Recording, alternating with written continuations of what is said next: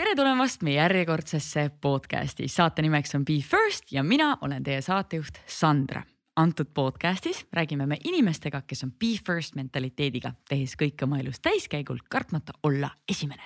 ja meie eesmärk selle saatega on siis jõuda nende naha alla ja saada aru, miks ja mida nad teevad selleks, et olla number üks. täna on meil saates külas mees, kelle eesmärk on panna Eesti inimesed ja mitte ainult Eesti inimesed, vaid ka inimesed üle maailma liikuma. ta on ettevõtja, isa ja meeletult rahustava häälega inimene. pange käed kokku, tehke kõvasti lärmi, tere tulemast saatesse, Mikk Alvar Olle. Sportland, Be First podcast. Mind aplausiga võimas, võimas, võimas, aitäh, tore on no olla siin. üldjuhul, kuna Kairi jäi kahjuks haigeks, siis muidu oleks saanud sealt topelt suure aplausi. aga ma arvan, et, et enda sees ja ise võib ka endale vahepeal ap- aplodeerida, nii et. ja, ja ma olen vähenõudlik inimene, nii et ahaa, okei okay,, selle kohta me saame siis natuke hiljem teada äh,. aga me hüppame siis kohe teemasse, me alustame igat oma saadet esimeste mänguga, kus siis meie alustame lauset ja sina selle lõpetad ja me räägime sinu esimestest. hästi, okei okay. kas oled valmis? olen valmis. esimene spordiala ma arvan, et see oli judo lasteaias nii, räägi rohkem. Äh, kuna ma kasvasin üsna kiiresti või ma olin jah kiire kasvuga, et äh, siis ma olin selles üsna hea nii-öelda lasteaias aga, aga siis, kui oli aeg minna esimesse klassi, siis äh, trenn jäi kaugeks ja siis äh, vanemad otsustasid, et äh, tuleb mulle leida mõni teine väljund. ja sinna mu judopäevad jäid aga miks trenn kaugeks jäi? tegelikult oli niimoodi, et noh, ma ise läksin ju lasteaiamajast koolimajja ja, ja trenn ise kolis ka ära tegelikult Piritale, mina elasin sellel ajal Õismäel. ja siis kuueaastast last üksi saata Piritale on äh,, ühesõnaga mu vanemad ei olnud selleks valmis.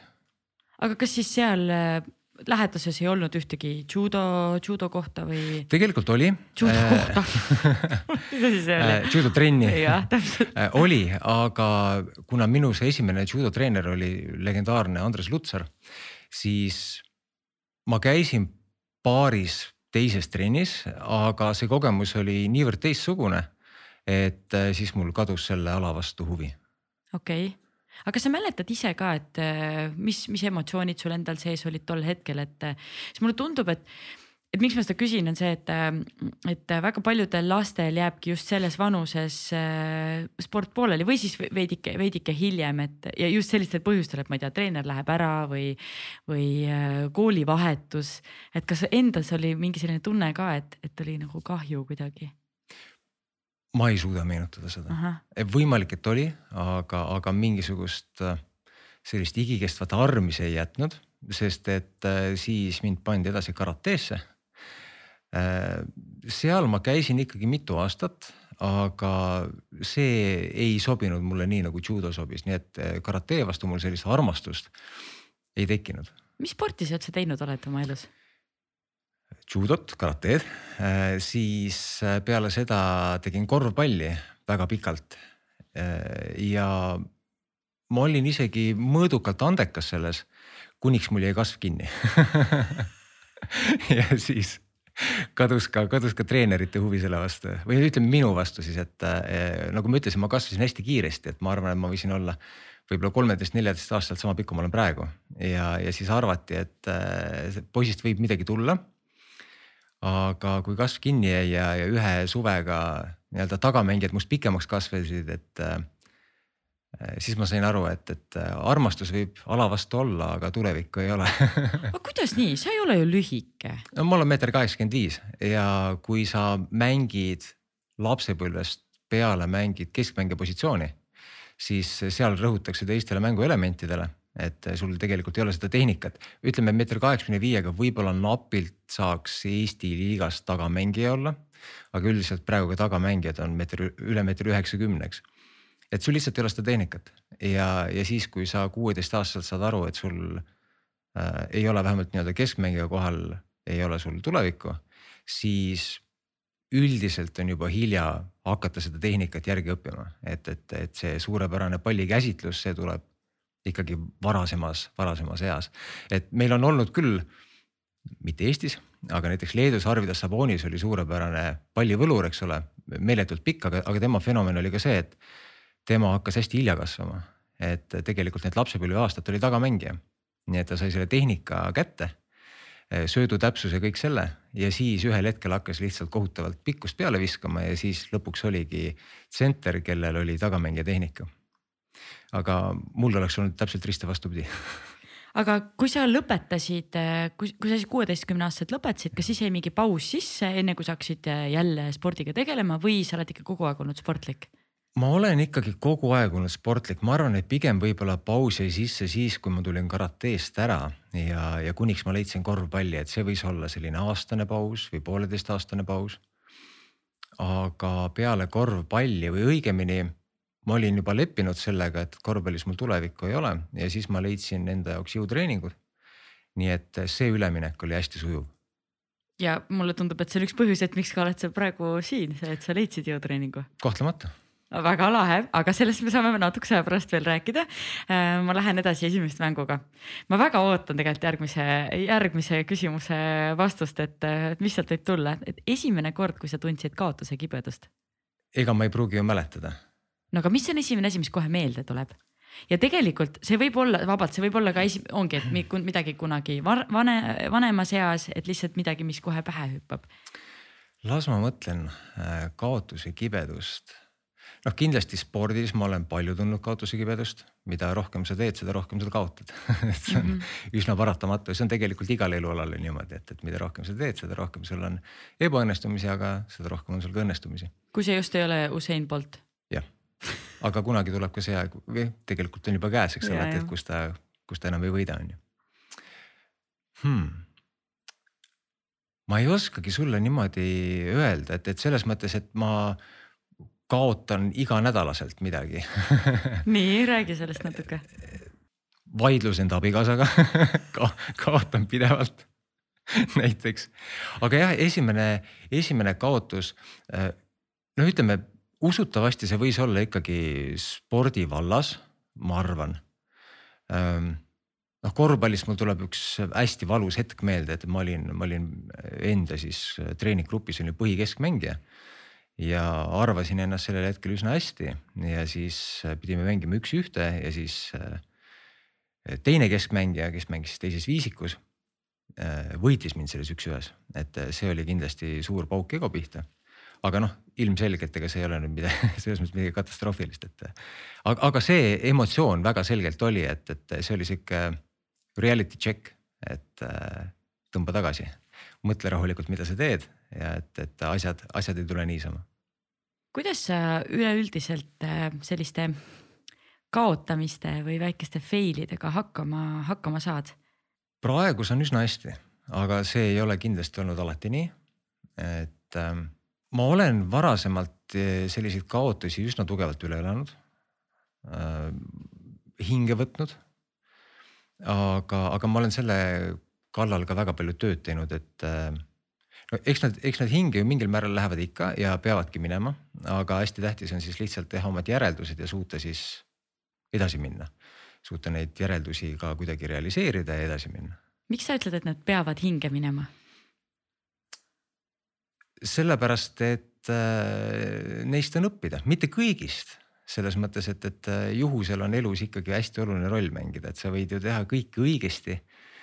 aga kui lihtsalt nii-öelda tähed ei ole joondunud mingil hetkel, eks ole, et, siis ei saa midagi parata ja asjad ei lähe nii, nagu sa ise tahad seda. aga, aga sageli on kaotustest õppida. Äh, kui sa kohe ütled, et, et, et sul ei ole sealt midagi õppida või sa ei taha seda analüüsida, et siis jääb palju õppetunde saamata, ma arvan no nendest õppetundidest me räägime pärast, pärastpoole veel, ma, ma lihtsalt tahan tekitada FOMO tunnet, et ma usun, et siit on tulemas päris, päris lahedaid äh, lugusid. Äh, mis õpetab väga palju, on ka armastus, mis on üks ilusamaid äh, tundeid ja emotsioone ja, ja olemisi maailmas. kui me räägime sinu esimesest armastusest, siis mis sul selle kohta öelda oleks? Kas sa mõtled inimese vastu või, või, või mingi situatsiooni vastu? kuidas sa ise tunned, et sa tahaksid vastata?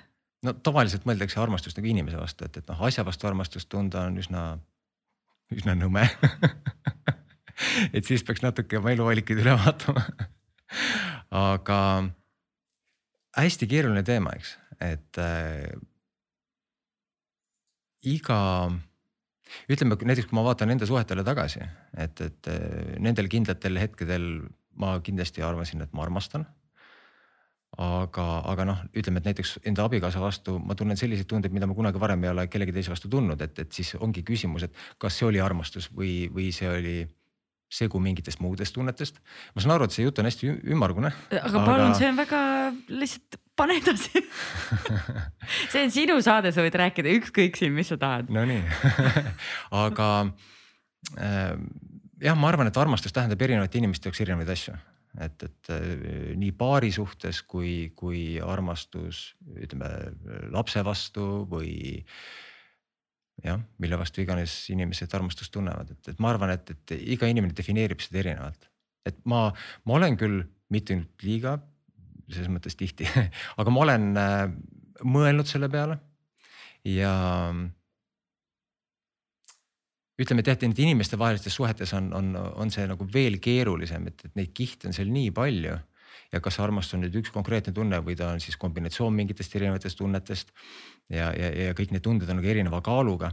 et äh, mingisugust head põhjapanevat vastust mul ausalt öeldes ei ole äh, ütleme noh, enda laste vastu on selgelt on täiesti piiritu, jäägitu, kompromissitu ja, ja tingimusteta armastus, eks. Et aga, aga, aga see on ka nagu hästi harukordne. ütleme, et vanema ja lapse suhe ongi selline, selline harukordne asi, et väga eriline asi, mida ma arvan, et mitte kellegi ja millegi muu vastu sa ei saa seda võrrelda. kui palju sul lapsi on? kaks. ja kui vanad nad on? Äh, üks on kaheksa ja teine saab kohe kuus. Kui sa mõtled tagasi en, siis elule enne laste, laste olemasolu, siis äh, kui palju su elu paremaks on muutunud tänu sellele? ikka on, ikka on paremaks muutunud. noh, ta annab ikkagi mingisuguse dimensiooni annab juurde, et ähm, jah, ma ei oskagi midagi muud lisada, on paremaks muutunud kui sa mõtled nüüd, aga mõtle korra tagasi sellele, kui sa polnud veel lapsevanem, siis eh, kas sul oleks midagi soovitada mõnele noorele lapsevanemale, mida sa ise mõtled, oh, seda oleks tahtnud küll teada enne? ei. ei midagi. mul ei ole mitte midagi soovitada, sest et tead, suhted on erinevad isiksused on erinevad, et eh, see soovitus, mis toimib ühel, ei toimi teisel. et äh, ma arvan, et iga lapsevanem on oma lapsega noh, selles mõttes üksi, et äh, laps ei tule manuaaliga ka, eks ole. Äh, nii-öelda ema-isast välja, et, et sa loed läbi ja saad aru, milline see laps on, et mul on ka kaks last, eks ole, nad on suht erinevate karakteritega et äh, see, mis toimib ühel, ei toimi teisel ja vastupidi. see on nii huvitav, see on üks, üks teema, mille üle ma ise olen mõelnud, et kuidas saab olla, et ühe pere lapsed võivad olla nii erinevad. Et neid ju kasvatatakse tegelikult sarnases, sarnases olukorras, situatsioonis, üldjuhul nendega käitutakse suht sarnaselt, aga mõned tulevad nagu täiesti erinevad. jah jah, ütleme, et noh, minu lapsed ei ole nüüd täiesti erinevad, no mõlemad on tüdrukud, vanusevahe ei ole väga suur et ähm, ja nad kasvavadki samas keskkonnas. Ähm, aga, aga selgelt iseloomud on erinevad või, või äh, ka see, mis neid motiveerib, on näiteks erinev. väga lahe mm. -hmm. Ma liigun edasi ja liigume hommikute juurde. Ja noh, lapsevanema hommikud ja ilma lasteta inimeste hommikud on täiesti erinevad, aga kuulame siis seda, et mis on esimene asi, mida sina hommikuti teed? Esimene asi, mida ma hommikuti teen, on äh, silmad lahti. Ja siis ma hästi kiiresti mõtlen enda päevaplaani läbi, et, et ma saan selle struktuuri paika. Ma üldiselt juba eelmisel õhtul mõtlen, et mida ma järgmisel päeval teen, panen enda mingid prioriteedid paika, aga siis, äh, siis esimene asi on see, et ma mõtlen hästi kiiresti peas läbi, mida ma nüüd tegema pean, et saada see struktuur tagasi kas sa, kas sa võib-olla tahad natuke jagada, et äh, kuidas sa, kas sa teed oma peas seda paberi peal? seda teen peas mingid..., sest paberi peal Aha. ma olen juba või noh, arvutis tänapäeval olen ma juba eelmisel õhtul selle ära teinud. mingeid nippe, trikke, kuidas sa oma aega planeerid? Mis on sinu jaoks kõige paremini töötavad süsteemid näiteks? kõige paremini töötav süsteem on hästi labane. ma valin ühe tegevuse, mida ma kindlasti pean järgmisel päeval ära tegema, et millel on siis kõige rohkem kaalu. mis on noh, mitte kõige kiirem, aga millel on kõige rohkem kaalu, eks ole, et äh, tegelikult äh, on olemas selline asi nagu Eisenhoweri maatriks. Äh, selline kvadrant, millega sa siis saad suhteliselt hästi ja täpselt ära määrata, kui tähtis ja ajakriitiline mingisugune asi on, et osad asjad on tähtsad ja ajakriitilised, osad asjad on vähem tähtsad, aga ajakriitilised, siis on tähtsad asjad, mis ei ole ajakriitilised ja, ja vähetähtsad asjad, mis ei ole ajakriitilised. jah, et äh, selle kvadrandiga saab üsna täpselt äh, aru, sa saad sellise sõela tekitada, et, et mis, mis sul nagu tõesti oluline on. et kui, kui sa paned ühe asja paika ja sa suudad selle asjaga järgmisel päeval ära teha, siis üldiselt on päev korda läinud. sest enamus inimesi ei tee seda ja, ja olen ka ju mina avastanud päeva õhtuse saates, et, et tegelikult päev ei olnud produktiivne. kui palju su produktiivsus või, või aja planeerimine on aja jooksul muutunud? Sest et äh, ettevõtjana ja ettevõtte juhina, asutajana sa ikkagi vastutad ju väga paljude inimeste eest, äh, mitte ainult iseenda aja planeerimise eest, aga sellest, et kõigil teistel saaks ka mingi noh, mingis mõttes saaks, saaks asjad tehtud, et, äh, et mida sa aastate jooksul muutnud oled? katsun sellist entroopiat ja täielikku kaost struktureerida, on aus vastus wow,. see tundub päris suur töö see ongi suur töö, suhteliselt viljatu sellepärast, et iga päev olukord muutub. Äh, erinevatel inimestel on äh, erinevad ülesanded ja, ja seal navigeerida on väga keeruline. Ja mina olengi võtnud, ütleme enda ettevõttes selle suuna, et inimene peab olema suuteline iseenda aega juhtima. Ja siis, ja siis me lihtsalt koos vaatame need eesmärgid üle, paneme, paneme mingisuguse deadline'i või siis ajaraamistiku paika et see, kuidas inimene ise nii-öelda seda teed või teekonda selle äh, finišini siis planeerib, see on paljuski ikkagi tema asi. Äh, jah, et, et äh, kui ma kunagi ei olnud aja planeerimises eriti hea, mis ei tähenda seda, et ma olin laisk, vaid pigem see tähendas seda, et, et läksid öösse välja töötunnid, siis ma ei ole seda saanud nüüd küll lõpuni välistada, et läheks öösse välja aga ütleme, et ma olen äh, muutunud paremaks selles, et vähem tööpäevi läheks öösse välja. aga kuidas sa oma, vabandust, kuidas sa oma, oma tööd ja, ja eraelu manageerid, et päris noh, päris väsitav võib olla see, et sa tuled koju, sul on lapsed, abikaasa, sa pead nendega olema ja siis öösel veel äh, teed tööd, et kas, kas une, unetunnid tulevad täis või? üldiselt tulevad, üldiselt tulevad, et äh, ega peabki prioriteete seadma ja, ja kõike ei saa teha hästi. aga lihtsalt äh, nendes tingimustes, mis sul on, tuleb leida see parim lahendus, et äh, ma katsun enda lastega tegeleda nii palju kui võimalik on ja nii edasi, ma, ma äh, nii, et, et tööasjad saaks ikka tehtud parimal võimalikul viisil, aga see ongi raske, et see on, see on igapäevane balansseerimine. Ja mida rohkem, ütleme, saab aega äh, jaotada sellistesse plokkidesse, seda üldiselt parem ja struktureeritum see päev on, mida ma lihtsalt iseenda, mm, enda peal olen näinud, et, et, et kui ma võtan, ütleme kuuest kaheksani võtangi aega perele, et siis ma üldiselt väldin millegi muu tegemist ja siis, kui lapsed on voodisse läinud, et siis ma veel vaatan, et kas, kas ma pean panema veel tund aega mm, töösse või, või ma saan seda teha järgmisel hommikul mm. -hmm no see ettevõtjana oma aja manageerimine on, see on ikka päris, päris tricky värk, et äh, omastki käest tean seda, et sest, et töö ju ei saa kunagi otsa. kogu aeg tuleb juurde, juurde, juurde ja ise, ise annad endale neid, neid asju kogu aeg. et, äh, et ma lõpetan esimeste mängu ära ja siis ma tahan küll selle, selle juurde tagasi tulla mm,. siis meil on kaks küsimust veel mhm. ja eelviimane küsimus on esimene ettevõte ma täpselt ei mäleta või ma ei suuda, ütleme enda peas panna kronoloogilisse järjekorda, sest et see oli kindlasti ülikooli ajal, noh, peaaegu kakskümmend aastat tagasi. ma õppisin, sellel ajal oli siis veel peda või pedagoogiline ülikool. õppisin reklaamimagoloogiat ja siis me tegime reklaamiagentuuri tudengitena, tudengitena jah. kuidas sellega läks? ta kasvas välja üritusturundusagentuuriks lõpuks ja see üritusturundusagentuur oli isegi mõõdukalt edukas.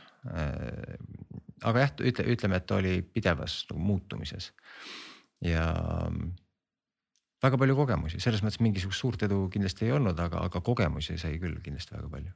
aga mille taha see suur edu võis jääda? kogemuste kindlasti. Äh, kogemuste, mis puudutab lihtsalt äh, spetsiifilisi tööalaseid oskusi, siis kindlasti ka inimsuhete koordineerimise kogemused olid kehvad ja nii edasi aga ega muidu ongi raske kiirendatud korras õppida, kui ei viska ennast nii-öelda äh, sündmuste keerisesse, eks mm. -hmm. aga kas sa usud, et seda on võimalik kuidagi koolis õppida või see on ainult midagi sellist, mida saab äh, õppida praktiseerides ja tehes? no mina kindlasti ei suutnud seda koolis õppida, et, et äh, võib-olla on olemas koolid ja andekad õpilased ja nad suudavad neid situatsioone päris eluliselt läbi mängida mina ise ei ole seda kohanud, et äh, mina eelistan seda päris elulist kogemust kindlasti mm. -hmm on sul mõni soovitus äh, sellisele noorele alustavale ettevõtjale, et mida sa siis enda ettevõtete pealt, mida sa kõike teinud oled, äh, oled, oled õppinud? Jällegi, ma olen nende soovitustega olen hästi ettevaatlik. aga proovi, anna Sest midagi et... või mida sa tunned, et, et mida sa ise oleksid tahtnud teada? siis? tead, ma olen selle peale mõelnud, et mida mina oleksin teinud teisiti, äh, kui, äh, kui ma oleksin, kui mul oleks olnud selline kogemuste ja teadmiste pagas, nagu mul on praegu. ja aus vastus on see, et usutavasti mitte midagi, sest et ka ettevõtlus või elu üldse on ikkagi sellise inimese arengu äh, protsess. ja see, kui palju ma oleks üldse suutnud midagi vastu võtta, mida, mida nii-öelda vanem mina, nooremale minale oleks öelnud, see on küsitav. ja ma arvan, põhiline ongi see, et, et sa pead lihtsalt olema pidevalt valmis õppima ja omandama uusi asju.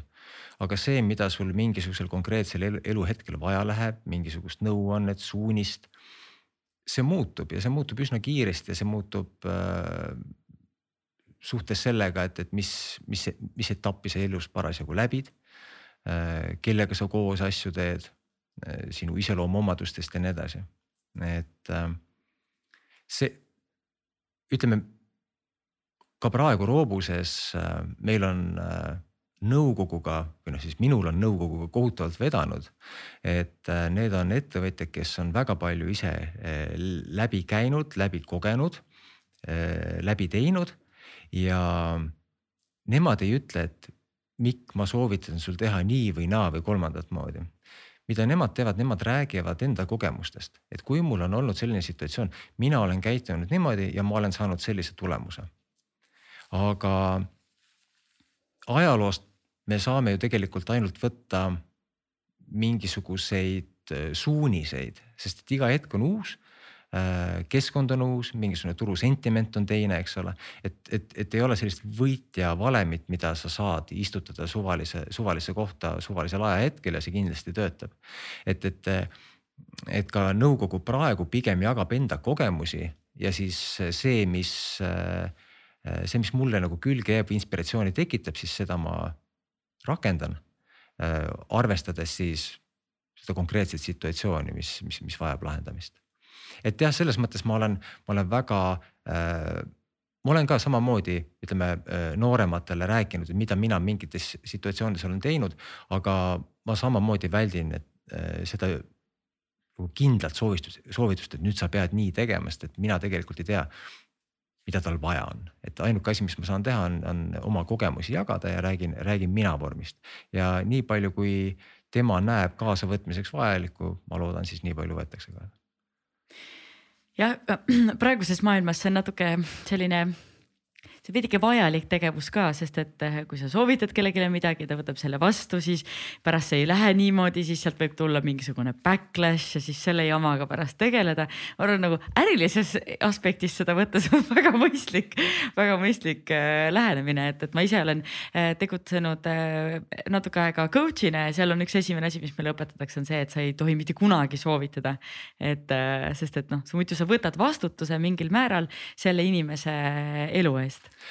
Jah, samas kui sa vaatad, siis, siis mingil põhjusel väga suur osa ühiskonnast eeldab, et, et nad peavad arvama igast asjast midagi. ja, ja omama hästi kindlat äh, vaatenurka ja siis väga vokaalselt seda väljendama.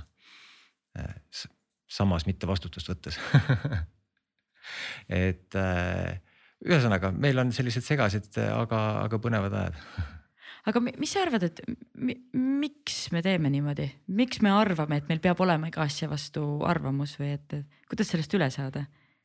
ega me ju seda otseselt hukka ei mõista, et selles mõttes äh, meil on vaba meedia, vaba ühiskond, inimesed äh, rääkigu seda, mida nad tahavad rääkida või seda, mida nad peavad vajalikuks rääkida.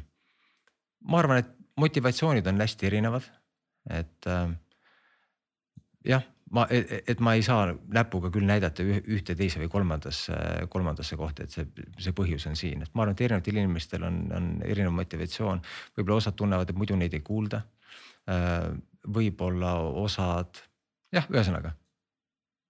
iga asi, mida ma siin välja pakun, siis ees oleks võib-olla, eks ole, et, et mm. -hmm aus vastus on see, et ma arvan, et seal on hästi palju erinevaid põhjuseid ja, ja minu poolest on see täiesti okei okay Äh, lihtsalt probleem on see, et, et väga paljud inimesed ei ole valmis vastu võtma seda infot, et äh, nii nagu ikka, väga palju infot on negatiivne, mingisugune süüdistamine, mingisugune äh, noh, halvakspanu väljendamine äh,, näitamine, et, et küll teised oskaksid paremini, sina oskad õudselt, õudselt kehvasti, eks ole.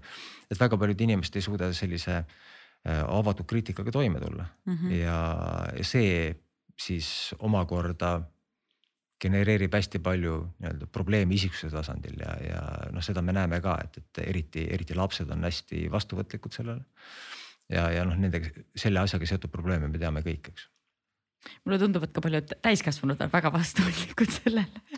et, et inimesed, see on, see on üks väga-väga oluline oskus minu arust, mida, mida võiks õppida iga, iga inimene, et, et kuidas võtta vastu kriitikat tagasisidet, teisi arvamusi. ja, ja, ja, kas see oli küsimus mulle? sa võid seda, kui sul tekkisid mingid mõtted, sa võid seda jätkata. Äh, no nagu ma ütlesin, siis, siis äh, kümme-viisteist aastat tagasi ma kindlasti võtsin asju rohkem südamesse. Mm, kriitikat tuleb kuulata, aga tuleb osata teha selline triaaž või selline sõel, eks ole, et, et, et, et milline kriitika on äh, mõtestatud kriitika, asjakohane kriitika ja milline kriitika on lihtsalt kriitika selle kriitika tegemise pärast. aga eks ta on hästi paljuski selline elukestev, elukestev protsess ma olen kuulnud sellist äh, ütlust, et ära kunagi võta hinge või südamesse või kuula inimest, äh, kes sind kritiseerib, kui sa ei läheks tema käest küsima nõu. et. Äh, jah ja, ja eks, eks ju kriitikat saab eh, teha ka väga mitmel erineval viisil, eks ole. ma eestistan praegu ühe, ühe inglisekeelse lause, et, et eh, kõige, kõige valjemad puud, maha, mahakarjumised tulevad kõige odavamatelt kohtadelt. et eh, see, kui sa viskad nii-öelda teatri tagantreast tomatiga, eks et siis äh, see ei näita eriti palju selle inimese kohta, keda sa viskad.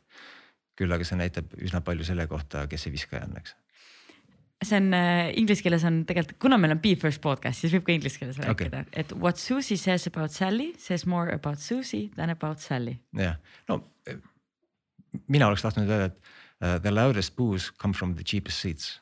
aa, niimoodi, ahah.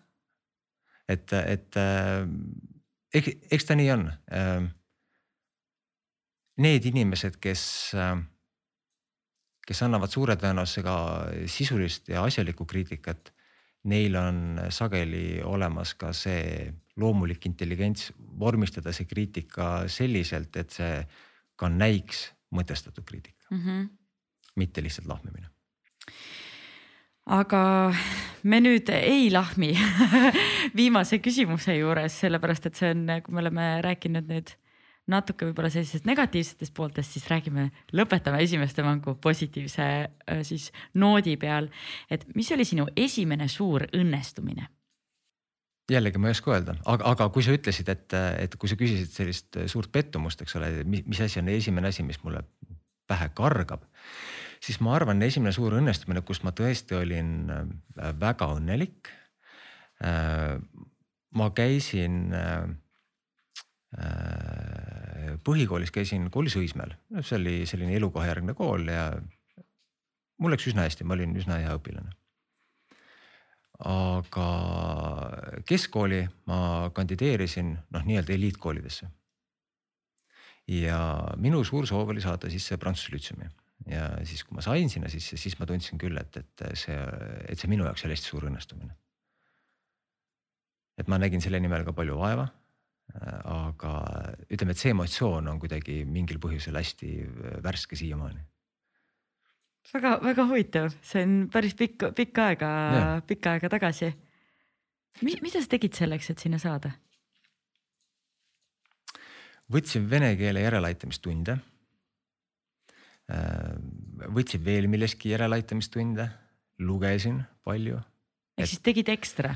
tegin ekstra ja üsna palju tegin ekstra jah kui palju sa praegu oma elus, karjääris äh, teed ekstra, oled overachiever?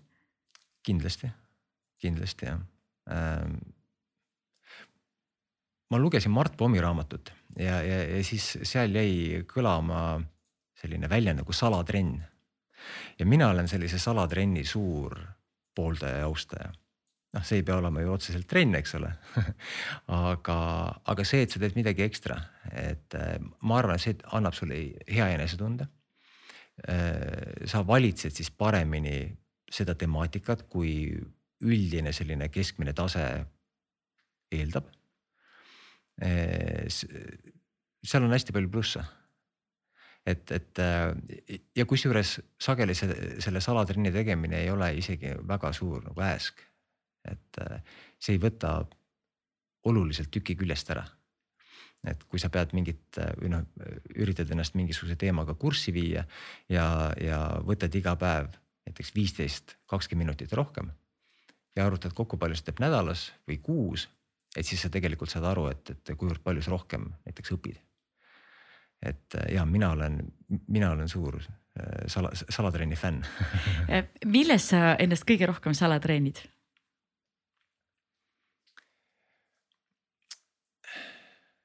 no ma katsun seda printsiipi rakendada põhimõtteliselt igal elualal, mis, kus ma tunnen, et seda on vaja ja mis on mulle oluline, eks, et, et, et mille fänn ma olen.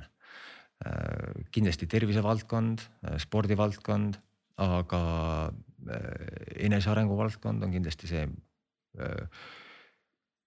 kuhu ma olen pööranud rohkem tähelepanu, kui, kui tavaliselt inimesed seda teevad. Nonii, aga pöörame natuke tähelepanu sellele, et et äh, kust, kust sa oled tulnud, mida sa oled pidanud tegema selleks, et jõuda siia tänasesse päeva? Et räägi võib-olla lühiselt lihtsalt äh, oma, oma lugu, et äh, mis on toonud sind selleni, et sa oled praegusel hetkel Roobuse CEO ja, ja asutaja? ja fanatism tervise ja spordi vastu Äh, selle tegevuse vastu, ma, mul on ütleme selline, selline väike hobi, ma üritan seda ka rohkem võib-olla lahti mõtestada, et, et, et. jah, ütleme saja meetri sprint minu jaoks ei ole tingimata saja meetri sprint, et, et, et ma üritan seda nagu rohkem lahti mõtestada läbi, läbi võitluse iseendaga ja nii edasi, et, et. et, et minu jaoks on sellised tervislikud eluviisid, sport, tervislik toitumine on hästi oluline ja ma, mul on olnud mitu ettevõtet. Ja kui ma rääkisin, et, et meil oli üritusturunduse ettevõte ja, ja, ja, kui oli eelmine suur majanduskriis, siis noh, ilmselgelt äh, üritusturundus oli see, kust, kust võeti kohe eelarved ära. Äh, ja mul oli noh, nädal aega oli üsna selline kurb olla aga siis ma mõtlesin või andsin endale lubaduse, et tead, ma, ma tegelen sellest hetkest alates ainult selle või nende asjadega tööalaselt siis, mille vastu ma tunnen suurt kirge et me ei saa vältida järgmisi majanduskriise või, või, või noh, mis iganes mõõnasid äh, tööalaselt ja nii edasi. aga kui sa tunned suurt kirge selle vastu, mida sa teed, siis on sul palju lihtsam nendest mõõnadest üle saada. sul on lihtsam võib-olla midagi ohverdada, sul on lihtsam teha rohkem, äh, rohkem tööd äh, või mõtestatumat tööd, kirega tööd et äh, siis ma andsin endale selle lubaduse, et, et äh, ma tahan teha ainult tööd selles valdkonnas, mille vastu ma tunnen tõelist fanatismi. ja sealt hakkasingi tegelema spetsiifiliselt spordi, tervisliku toitumise, tervisevaldkondadega. viimased äh, nüüd kolm aastat hmm. sa oled tegel-, ehitanud üles sellist ettevõtet nagu Roobus. räägi natuke sellest täpsemalt. ja asi saigi alguse, ütleme tegelikult äh, usutavasti juba neli aastat tagasi Äh, mu aastaarvutus on jube kehv, aga ütleme, suurusjärk on selline äh, ja nagu ma ütlesin, ma olen fanaatiline trennitegija ja fanaatiline jõusaalis käija olin. ja ühel hetkel ma nägin, et mul on väga keeruline õigustada seda aega, mida ma kulutan trenni mineku sealt tuleku peale. ja kui sa näed veel trennis mõnda tuttavat, kes tahab sinuga hirmsasti juttu rääkida et siis lihtsalt need treeningsessioonid muutusid niivõrd pikaks. aga äh, kuna mul oli ka sellel ajal oli ettevõte, äh, mul olid lapsed, äh, mul on ka muud hobid et siis mul lihtsalt oli hästi keeruline enda jaoks õigustada seda aega, et kui mul oli jooksutrenn, siis ma lihtsalt panin jooksutossud jalga. Lähed kodust välja, tuled seal neljakümne minuti või, või tunni pärast tagasi, käid duši all ja valmis, eks ole, et see ajaline Äh, see aeg on üsna, üsna mõistlik. aga, aga kui ma lähen trenni kakskümmend minutit, tulen tagasi kakskümmend minutit, lobisen veel treeningu ajal kakskümmend, kakskümmend minutit, eks ole, et siis on juba tund on läinud mitte trenni tegemise peale mm. -hmm. ja, ja siis ma hakkasin otsima äh, võimalusi, kuidas ma saaksin optimeerida oluliselt äh, enda jõu ja jõu vastupidavustreeninguid. tellisin igasugu värki endale koju Äh, abikaasa käskis pool kiiresti ära visata ja, ja ma ei leidnud enda jaoks seda õiget lahendust. aga miks ta käskis ära visata, kas neid oli liiga palju või need võtavad, ei olnud head või? võtavad ruumi, et, et kui sul on ikkagi on, on ellips keset tuba, noh siis on jama tegelikult on ju, kui sa elad korteris. No mõned inimesed kuivatavad pesu seal selle peal ja üldse ei kasuta. Panevad lilled ja ja mina oleks võinud ka seal pesu kuivatada, eks ole, aga, aga abikaasale sellised asjad ei meeldi et äh, ühesõnaga jah, et äh, ma ei leidnud enda jaoks seda head alternatiivi. Ja tutvusin erinevate uuringutega, mõtlesin, mis üleüldse võiks olla selline treeningmodulatsioon, äh, mida ma saaksin oma jõutrennides kasutada, ilma et ma kasuta, ilma et mul oleks kodus meeletu virn kange ja hantleid ja nii edasi ja üks asi, mis väga silma torkas, oligi nii-öelda muutuva vasturaskusega treening. meie kasutame selleks nii-öelda treeningkumme, eks ole, aga jõusaalis näiteks ketid on täpselt sama asi, eks ole, et, et mida suurem on amplituud, seda rohkem see vasturaskus muutub. ja äh, väga paljud uuringud näitavad, et muutuva vasturaskusega trenn on sisuliselt sama tõhus, kui on staatilise äh, või nii-öelda konstantse raskusega treeningud. mingites harjutustes, harjutustes on ta tõhusam mingites harjutustes on vähem tõhus. aga kui ma hakkasin mõtlema, et, et eh, jah, ma võib-olla ei saa kükki teha selle raskusega, millega ma jõusaalis teen. aga samas ma saan eh, selle raskuse üsna ligilähedale, pluss ma saan mängida muude treeningmodulatsioonidega sinna juurde. ma saan tegelikult selle koormusintensiivsuse ikkagi kätte. aga ma ei kuluta tundi aega lihtsalt eh, jah, mineku-tuleku peale, eks ole. ja aga sellistel treeningkummidel oli hästi suur miinus, sa tegelikult ei saanud kasutada seda täit potentsiaali, sellepärast nad on kohutavalt ebamugavad, kohutavalt ebamugavad. siis mõtlesin, et okei okay,, äh, ma olen varem ka äh, tooteid välja töötanud ja siis äh, töötasin välja sellised hästi lihtsa konstruktsiooniga seadmed, nüüd neid tuntakse gymbar'ide nime all mis sisuliselt pakuvad sulle hantliga võrreldavat kasutusmugavust, kasutades treeningkumme ja suht uskumatu, aga sellise lahenduse peale ei ole nagu varasemalt keegi tulnud, et me võtsime selle peale Euroopa disainipatendi. ja. kuidas see võimalik on, et keegi pole selle peale varem tulnud no,? et, et teinekord, teinekord lihtsad asjad on võib-olla liiga lihtsad, et, et keegi nende peale tuleks, eks ole. et vanaema otsib ka prille, aga prillid on ninal tegelikult ütleme selle, selle viimase kuju paikaajamine on tegelikult väga keeruline, ütleme lihtsalt puht äh, nii-öelda selle geomeetria mõttes ja kuidas, kuidas seda toota niimoodi, et, et, et ja, ja millised Äh, millised nurgad seal on niimoodi, et see kumm ei libiseks, ta oleks paigal, aga ta ei kulutaks seda läbi, et ühesõnaga selliseid väikesi tehnilisi nüansse, mida lihvida oli hästi palju. aga minu treeninguid muutis see täielikult, et ma ei ole jõusaalis käinud kolm aastat. ühtegi korda. et äh, siis, kui ma hakkasin kui me saime esimesed prototüübid tehtud, äh, siis ma veel kaks korda käisin jõusaalis, pettusin miks nii? jah, et äh, ütleme näiteks muutuva vastu, vasturaskusega treeningu puhul on sul äh, vigastusoht väiksem. et ma, mul on õlad on, noh ma kunagi õlad olen suhteliselt tugevasti tuksi keeranud rinnalt surumisega ja ongi, et, et kui sa oled kõige nii-öelda sügavamas negatiivses faasis, eks ole, et, et siis rotaatorid ja hästi suure pinge all. ja no ma ei tea, võib-olla mul ei olnud siis nagu kunagi nutti ka, et ütleme, need nii-öelda kõige paremad soovitused parimatelt gurudelt jõusaalis on vähemalt minu puhul lõppenud tavaliselt vigastustega ja ma saan, ma saan täpselt sellesama koormuse kätte kas ühesõnaga roobusel treenides, olgu siis kodus või looduses. suvel ma väga palju kasutan seda võimalust, et ma kas treenin aias või lähen lihtsalt looduskaunisse kohta, mul, on need reisil kaasas, eks. ühesõnaga jah tootestasime selle toote, tegime sellele Kickstarteri kampaania lihtsalt, et vaadata, et kas, kas keegi teine saab ka aru, kui, kui vahvate asjadega tegemist on ja saadi aru. ja praegu praegu meil on väljatöötamises uued Gymboardi mudelid, edasiarendused, kaasa arvatud ka selline kõrgtehnoloogiline lahendus, mis loeb automaatselt kordusi, tehtud töö hulka. ja sa saad aru, kui palju sa reaalselt äh, raskust tõstad nagu tonnaaži mõttes trennis äh,. arvutab välja sul sellise asja nagu Robust Power Score, kus on siis aeg, tehtud töö äh,, nagu tõstetud tonnaaž, selle intensiivsus on pandud siis äh, nagu valemisse ja väga põnevad, põnevad arengud, et, et me praegu äh, muudame, äh, ühesõnaga siis, kui meil oli inventar, siis, siis mida ma ka mõistsin kohe on see, et, et, et noh, minul on üsna suur staaž jõusaalist ja mina tean, kuidas, kuidas trenni teha.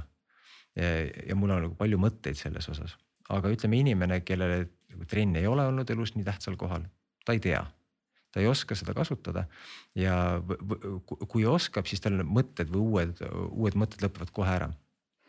ja sealt hakkasime siis arendama videotreeningute platvormi. kus praegu äh, on ka sadu, sadu erinevaid treeninguid gym-baaridega, aga, aga, aga platvormi osas on meil hästi põnevad uued arengud ehk et mida meie kasutajad on öelnud ongi just see, et, et nad ta, tegelikult tahaksid, et sellest Robus Athleticsist kasvaks välja nagu treeningstiil. umbes nii nagu on Pilates või Bodypump.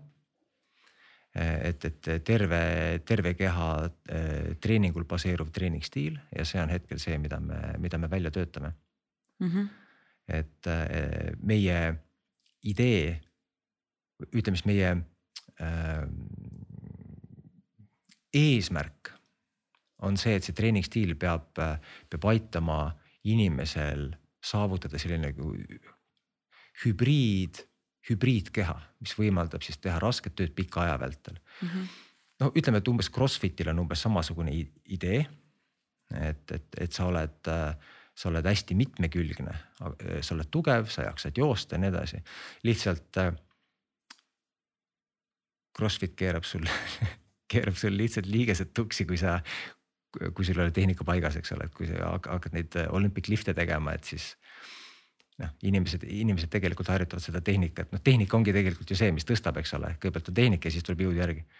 et, et meie ei eelda seda, et inimesel oleksid need teadmised olemas, et ta on jah, liigestele ja kõõlustele on ta palju äh, säästvam. aga, aga see põhimõte on sama, et, et ta peab suutma, äh, inimene peab suutma teha rasket tööd pika aja vältel. et selline, selline hübriid Äh, hübriidkeha on meie eesmärgiks.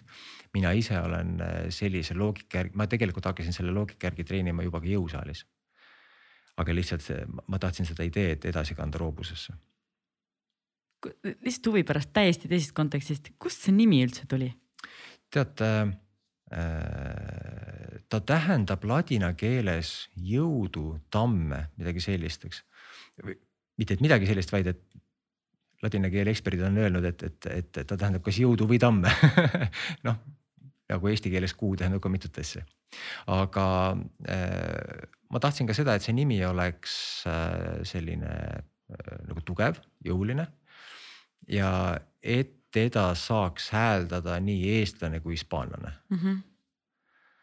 et ta oleks selline, et see nimekuju oleks lihtne ja, ja üsna arusaadav mm. -hmm.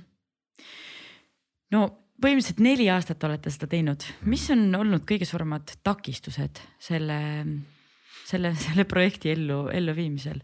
ütleme, et, et võib-olla suurim takistus on see, et tegelikult ei ole äh, väga palju revolutsiooni toimunud just nii-öelda jõutreeningute vallas, et, et äh, jõusaal kontseptsioonina on niivõrd äh, tugev ja kinnistunud inimeste peades. et, et paljud ei ole isegi nagu valmis kaaluma mingeid alternatiive või proovima alternatiive.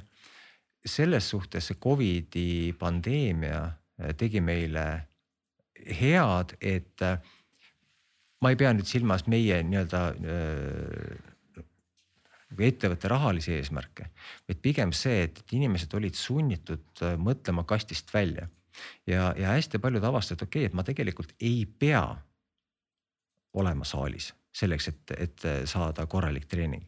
see tähendab seda, et inimesed ei võiks seal käia.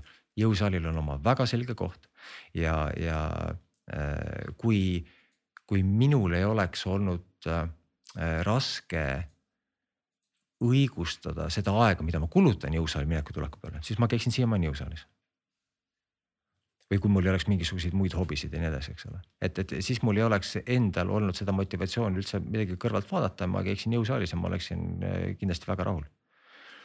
et, ähm, et võib-olla jah, see, see äh, selline paradigmaatiline muutus on nüüd viimasel ajal hakanud tekkima, mis ei tähenda seda, et see on nüüd äh, mõnusalt kinnistunud, eks.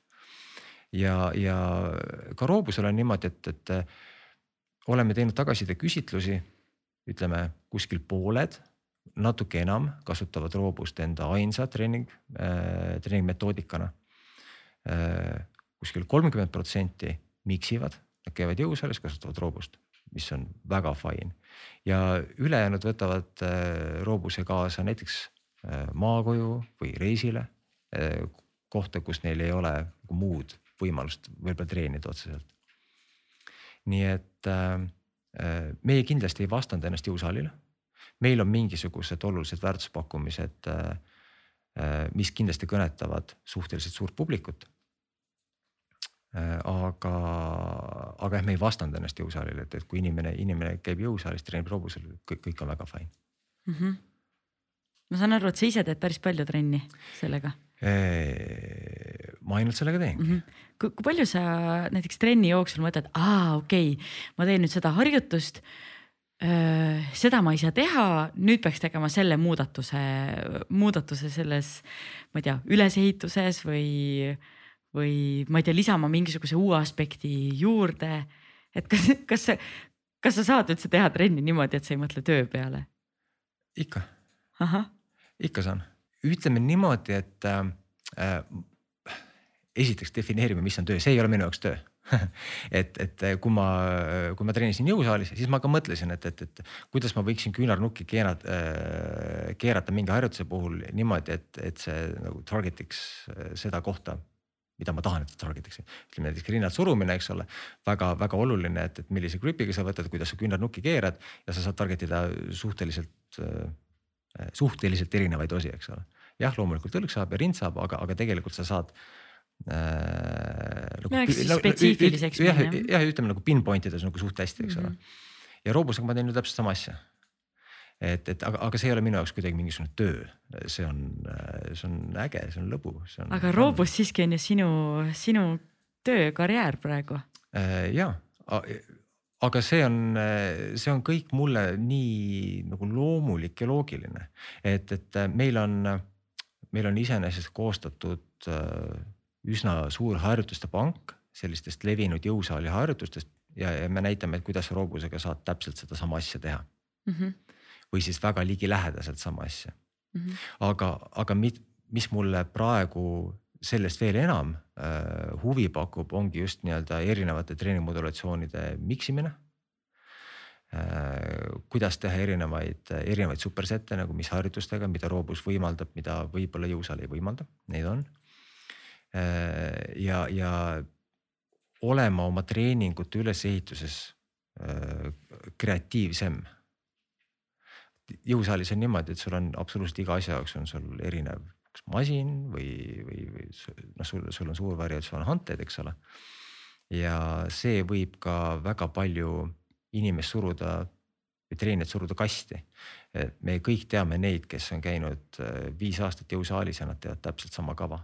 Ja nad näevad täpselt samasugused välja, kui siis, kui nad esimest korda saali läksid. et, et seal on võimalik ka lihtsalt äh,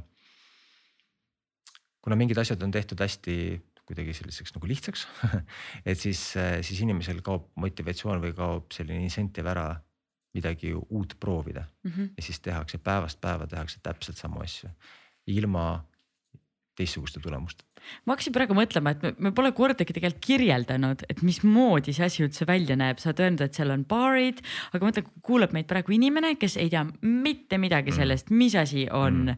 see, see, see baar või, või kuidas see kodus üldse välja näeb, siis yeah. kuidas sa praegu kirjeldaksid seda, kui sul ei ole seda, meil ei ole seda praegu siin äh, stuudios olemas ka on ju.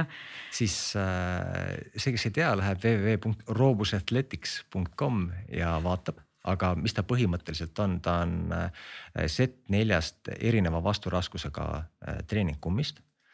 Äh, kahest sellisest käsikust, ta on, need on alumiiniumist käsikud, kuhu kumm läheb siia sisse niimoodi, et see tõmberaskus on sul käe sees, meenutades väga hantlit või kangi ja sa saad põhimõtteliselt, sul ongi nii-öelda hästi selline tugev grip, firm grip, nii nagu sul on kangi või hantlitega. Äh, ainuke asi on see, et sul see vasturaskus ei ripu mitte selle äh, ütleme siis hantli küljes, eks ole, ei ole äh, siis fikseeritud näiteks kümme kilo.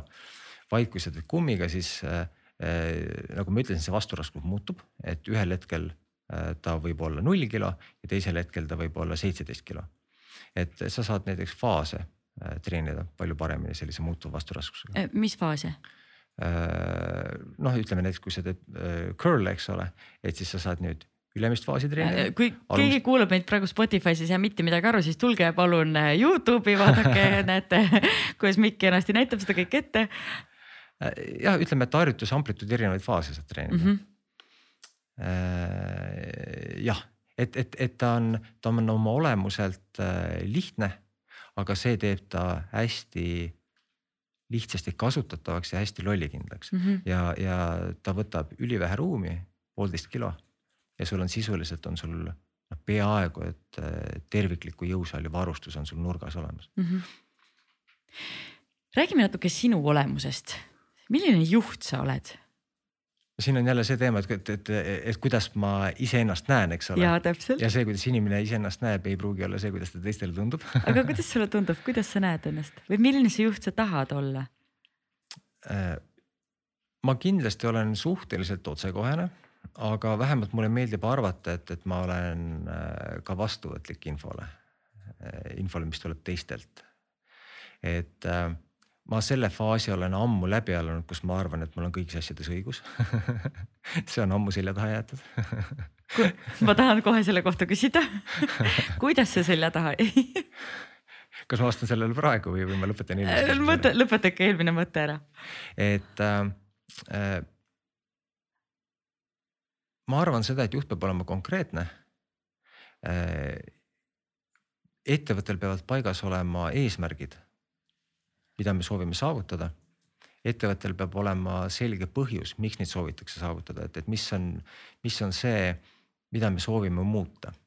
ja, ja soovitavalt võiks see olla suurem kui lihtsalt eh, nii-öelda mingisugune äh, noh, ütleme finantsedu, eks ole, et, et, et, et see peab käima, see mäng peab käima nagu suuremas, suuremas registris või suuremas, suuremas kastis.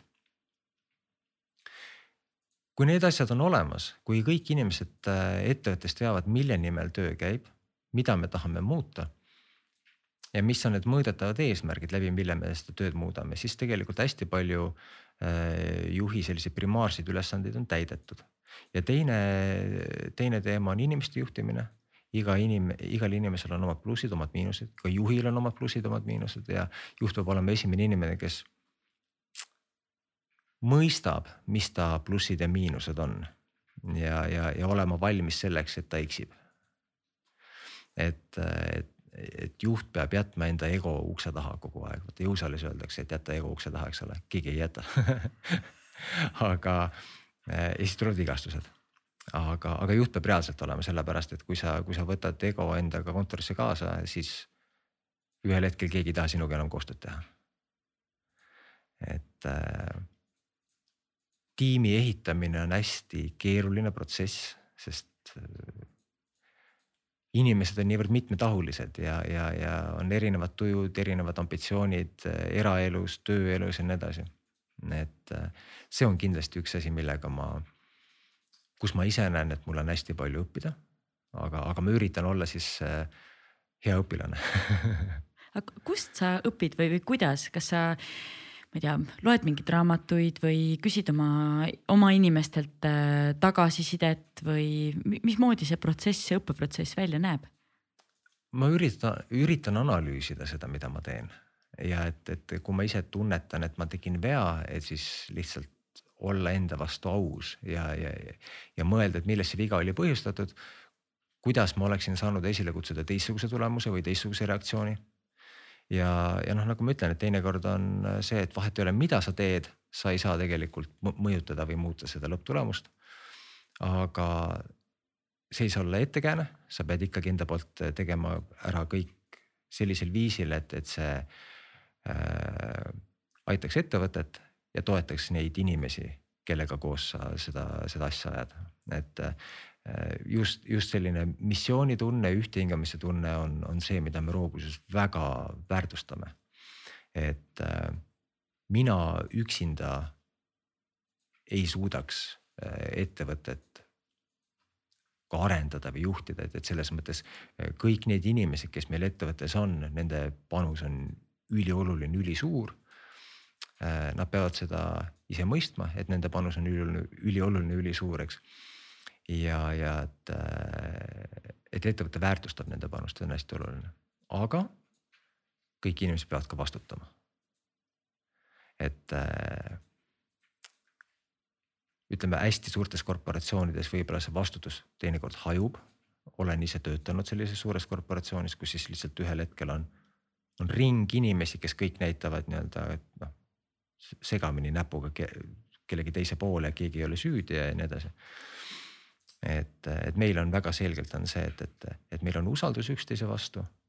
aga samas see inimene peab olema valmis ka vastutama mm. -hmm. et äh, ma ei taha, et see kõlaks nüüd niimoodi, et noh, et keegi teeb mingisuguse vea ja siis saab, siis vastutab ja kui, kui asjad ei õnnestu, et, et siis tuleb ma ei tea, ma ei tea, mis taevas kukub kokku, kaugeltki mitte, et selles mõttes kõik teevad vigu ja mina võib-olla teen veel kõige rohkem vigu, eks ole.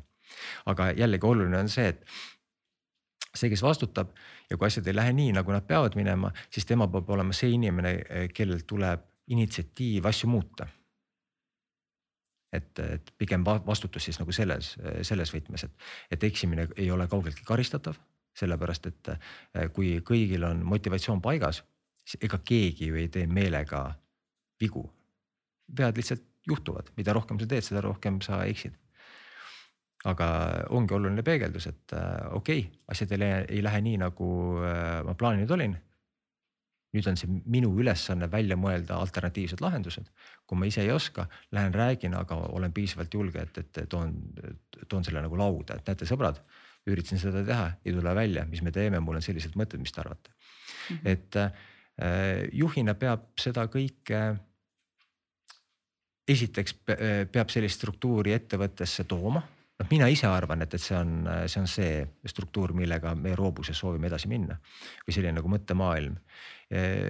tuleb seda juurutada, tuleb vahepeal tuleb inimesi julgustada, julgustada ka seda vastutust võtma, sest teinekord võib see olla üsna raske vastutuse võtmine, eks ole.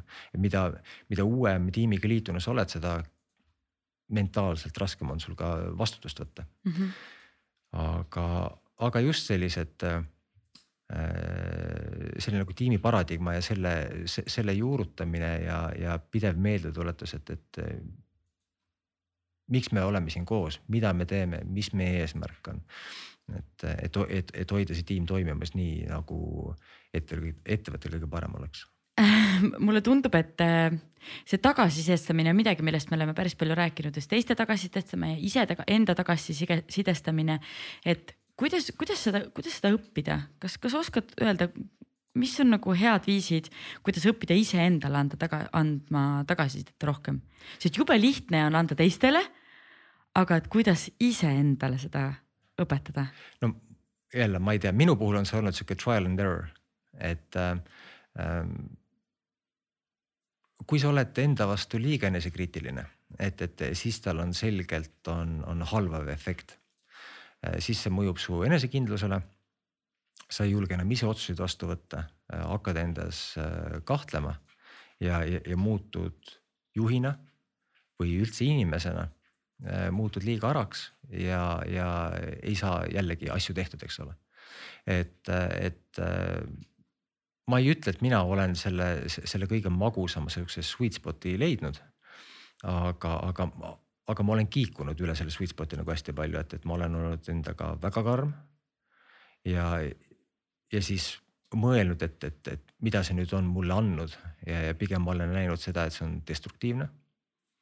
samas, kui sa oled endaga liiga, liiga leebe, siis sa võib-olla ei võta seda õppetundi vastu sellisena, nagu ta tegelikult sulle peaks olema ja jällegi iga situatsioon on erinev, eks ole.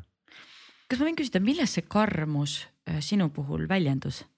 Kuidas sa olid enda vastu karm äh,? oled endas pettunud. jah, et ähm, ei ole endaga rahul. mina olen selgelt iseenda kõige suurem vaenlane, et äh, ja iseenda kõige suurem kriitik.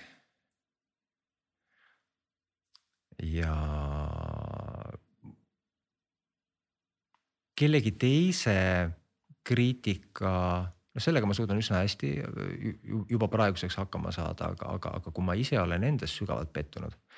et siis, siis ma tunnen, et ma olen iseennast alt vedanud, ma olen teisi alt vedanud, et see on, see tunne minu sees on palju suurem kui, kui siis, kui keegi teine teeb kriitikat. kuidas sa sellest üle saad, mis see sisekõne on sinu sees? Äh, tuleb olla enda vastu otsekohene, aga lahke alatooniga on minu äh,, olen mina avastanud, et minu puhul kõige rohkem toimib. et äh, kõigepealt on selline ownership, jah, ei läinud hästi, et tegid suure vea, ilge jama, nõrk esitusmikk on ju ja siis okei okay,, aga kuidas ma saan seda paremaks muuta? et, et, et, et alati peab see, see see lause või kriitika peab mõtlema, et aga mida ma nüüd saan teha, et see, et, et mitte kinni jääda sellesse, et, et kui. kui kohutav see asi oli, mis nüüd juhtus, eks või, või, või kui, kui õnnetu otsus see oli, vaid et mida ma nüüd saan edasi teha selleks, et see olukord. Äh, noh, seda olukorda parandada või teha mingit damage control'i või siis teinekord üleüldse nagu positiivseks asjaks keerata, ka, ka selliseid asju võimalik teha. et jah, minu puhul on see, et, et oled enda vastu aus, jah korraldasid jama, aga mida nüüd teha? et mitte kinni jääda. Enne seda, kui me läheme vaimse tervise juurde, mida, millest ma tahaksin äh, sinuga natuke rääkida, on see, et äh, ma tulen korraks tagasi Roopuse juurde, te olete viimasel ajal päris korralikult kasvanud. Mm.. mulle tundub, te olete väga aktiivsed sotsiaalmeedias, teil on äh,, ma olen teie Instagrami vaadanud, väga professionaalne, väga ilus näeb välja, teil on, ma võin öelda, et vist Eesti parimad äh, treenerid on seal või noh, väga hea selektsioon Eesti väga headest treeneritest.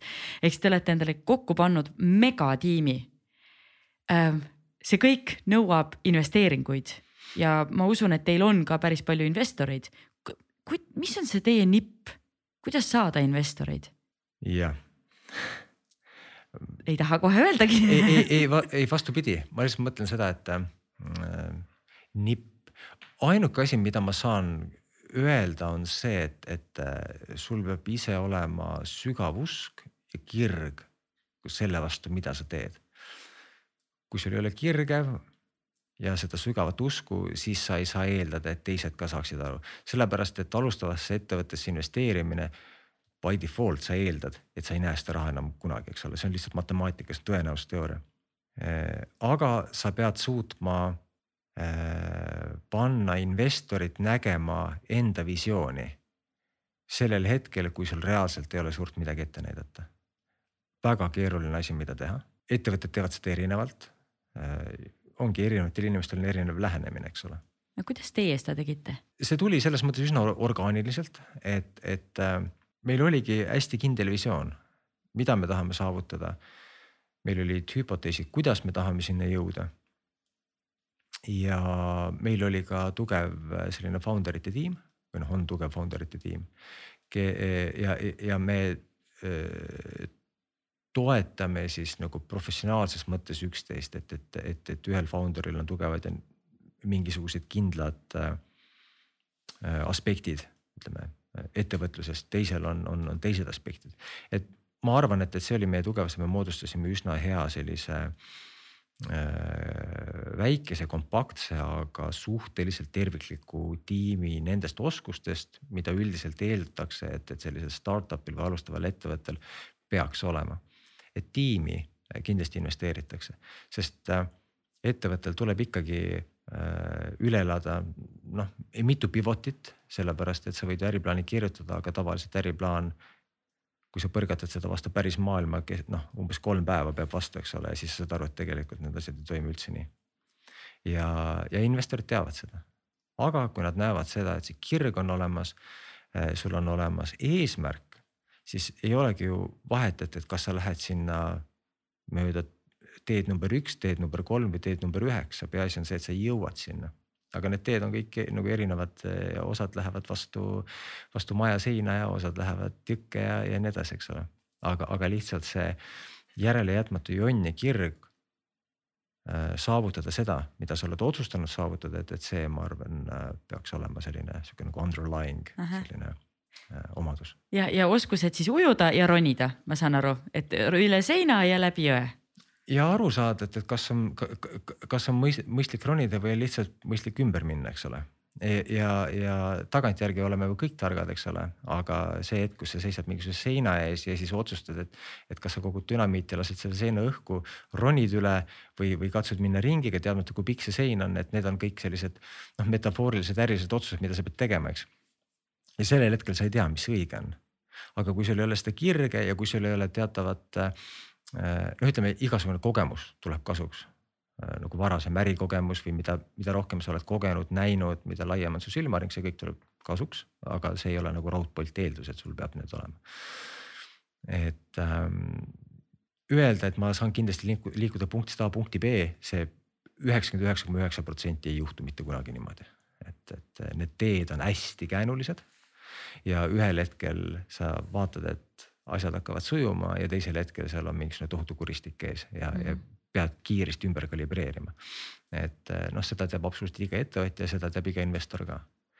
aga, aga et, et kõike seda arvesse võttes, siis investoril peab olema ikkagi mingisugune teatav kindlus, et okei okay,, et ma ostan sellele noh, põhimõtteliselt nagu lotopileti, eks ole. et ma olen valmis investeerima, sellepärast et punkt number üks, ma usun sellesse, mida see tiim teeb. mulle meeldib see projekt ja, ja seal on olemas tuntav tõenäosus, et nad saavutavad selle eesmärgi, see, kuidas nad saavutavad. väga lahtine. noh, me pitch ime ju mingisuguse mõtte, et näed, meil on, meil on selline idee, et me saavutame selle niimoodi. seal tuleb pivoteid ette, see on paratamatu lihtsalt elu muutub meie ümber kogu aeg mm. -hmm. aga, aga jah, et, et äh, tiim ja selline absoluutselt pime usk sellesse ja, ja selline äh, suur motivatsioon saavutada seda eesmärki. kumb on, olulisem, kas idee või teostus? ideed ei maksa tänapäeval mitte midagi. et äh, ideid müüakse kilohinnaga. Need, need, need ei maksa mitte midagi ähm, on olemas, on olemas äh, suurepärased ideid, mis ei ole kuhugi jõudnud lihtsalt puuduliku teostuse pärast. On suhteliselt äh, keskpärased ideed, millest on saanud äh, ülemaailmsed hitid lihtsalt sellepärast, et on hea teostus ja on olnud õige aeg asja teostamiseks. et, et kui me vaatame ka mingeid varasemaid, ühesõnaga vaatame olemasolevaid Eesti edu, edulugusid, siis nii mõnigi neist ei ole olnud innovatiivne idee. peaaegu et samasugused ideed on olnud võib-olla kolm või viis aastat varem. aga kas teostus ei ole olnud nii hea või aeg ei ole olnud küps. Äh, üks nendest asjadest logiseb ja ei tule seda turu traction'it. nii et, et, et, et just see, see ajafaktor või et, et millises keskkonnas sa mingit ideed hakkad äh, siis üles ehitama või realiseerima, ülioluline.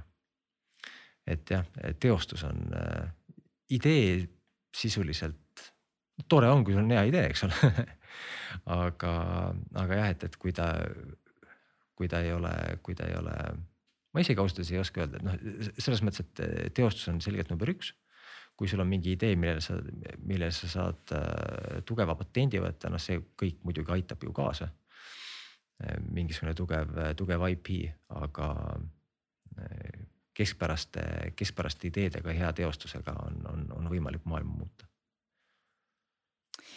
no maailma ei saa muuta, kui me oleme füüsiliselt katki ja, ja vaimselt äh, katki ja noh, ettevõtte juhina äh, on väga oluline see, et sa oled vaimselt tugev.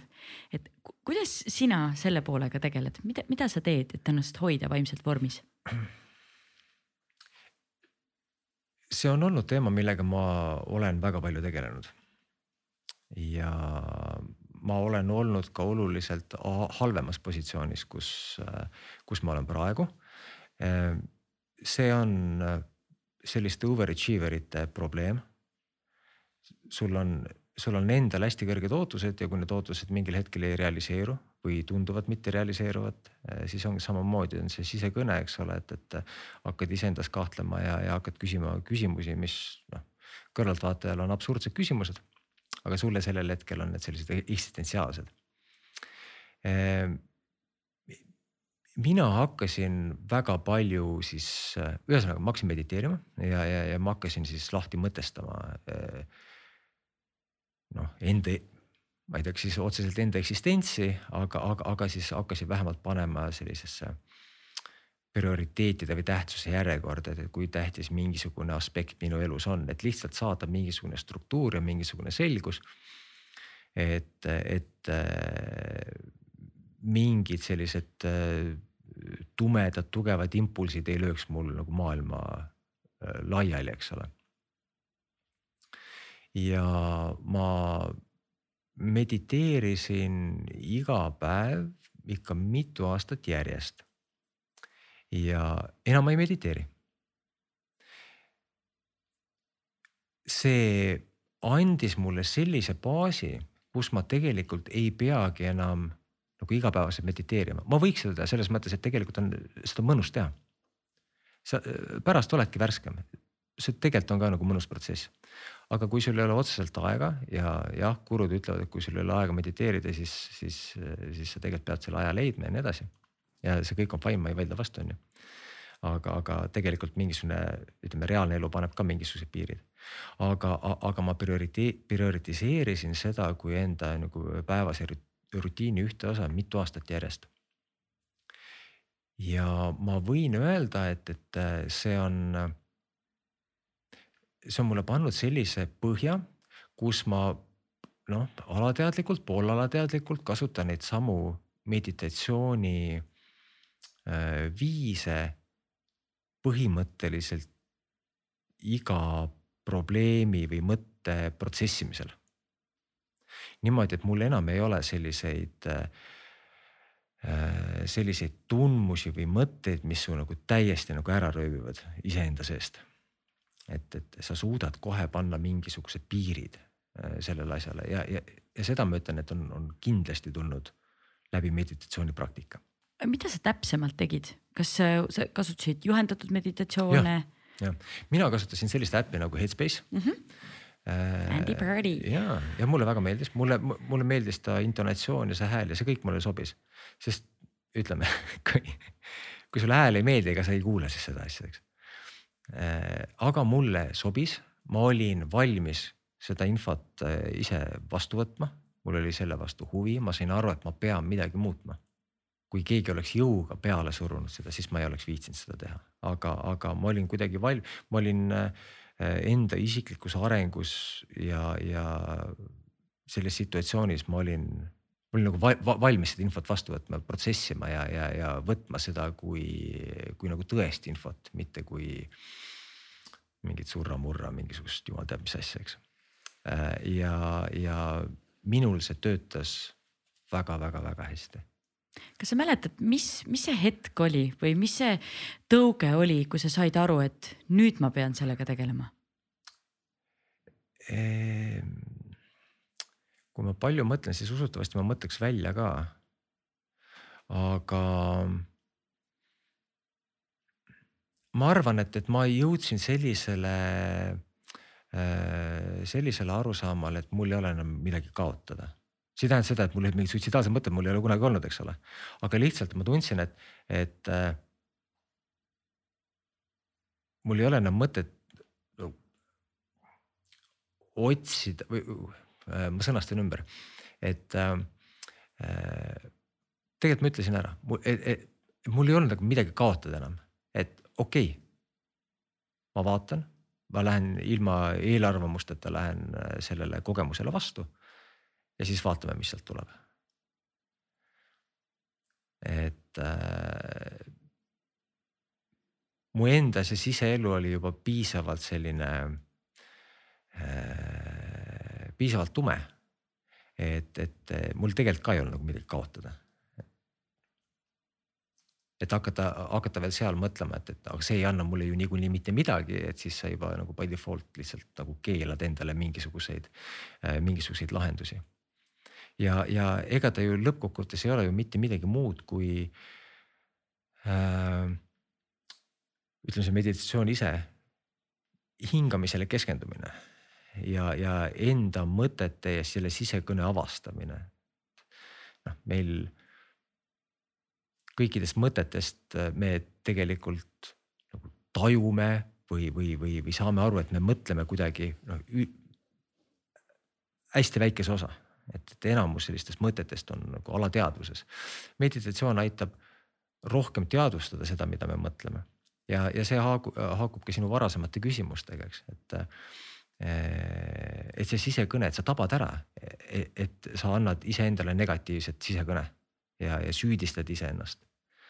sa tabad ära, et okei okay,, ma teen praegu seda ja see, see ei ole mulle kasulik, see ei lahenda ühtegi asja et sa aktsepteerid, et sul on selline sisekõne, eks ole, sa võtad selle asja vastu ja siis sa saadki selle konksu sinna taha panna, aga mida ma nüüd saan teha. et sa lihtsalt märkad rohkem seda, mis su sees toimub, märkad rohkem enda mõtteid, et see, et selles mõttes see ei ole mingi huuga-puuga surra-murra, eks ole, vaid et äh, sa lihtsalt oled rohkem äh, teadvel iseenda mõtetest. ja see on hästi suur selline või hästi oluline nagu tööriist selles tööriistakastis, mis sul kasutada on. Ma lihtsalt, ei, ma lihtsalt jäin mõtlema, et, et mul on hästi kahju, et väga paljud inimesed jõuavad nende teemadeni alles siis, kui nad on juba täiesti ummikus. et see on samamoodi nagu treening, et, et et oo oh,, ma olen nüüd nii vormist väljas ja nüüd ma hakkan alles trenni tegema, et, et, et miks meil ei ole sellist, see pole küsimus, see võib olla lihtsalt nagu arutelu koht, et, et huvitav, et miks meil ei ole sellist driver'id sees ennetada olukordi, et miks, miks me nagu peame tegema läbi nii palju vigu ja, ja ma ei tea, fail'e ja, ja halbu olukordi selleks, et me saaksime aru, et jah, kuule tõesti, trenn teeb mind tugevamaks. Äh, enda eest vaimselt hoolitsemine teeb mind tugevamaks. Äh, jah, noh trenn kui selline on ju tegelikult suhteliselt hilisaja nähtus kunagi ei olnud vaja trenni teha, sellepärast et elu ise käskis sul trenni teha, on ju. et, et, et kui sa, kui sa olid ikkagi talunik, et siis sa said ja eeldatavasti saad ka praegu päris, päris korraliku koormuse, eks ole. et kõrgklassil olid need terviseprobleemid mm. -hmm. eks selle vaimse tervisega on samamoodi, et kui, kui kõik on hästi, siis sa ei tunne ju selle jaoks vajadust, et siis noh, miks seda teha aga see maailm meie ümber on eriti viimasel ajal nii kiiresti muutunud, et näiteks ütleme, mina küll enda lastele üritan, noh, ilmselgelt ma ei saa neid mediteerima.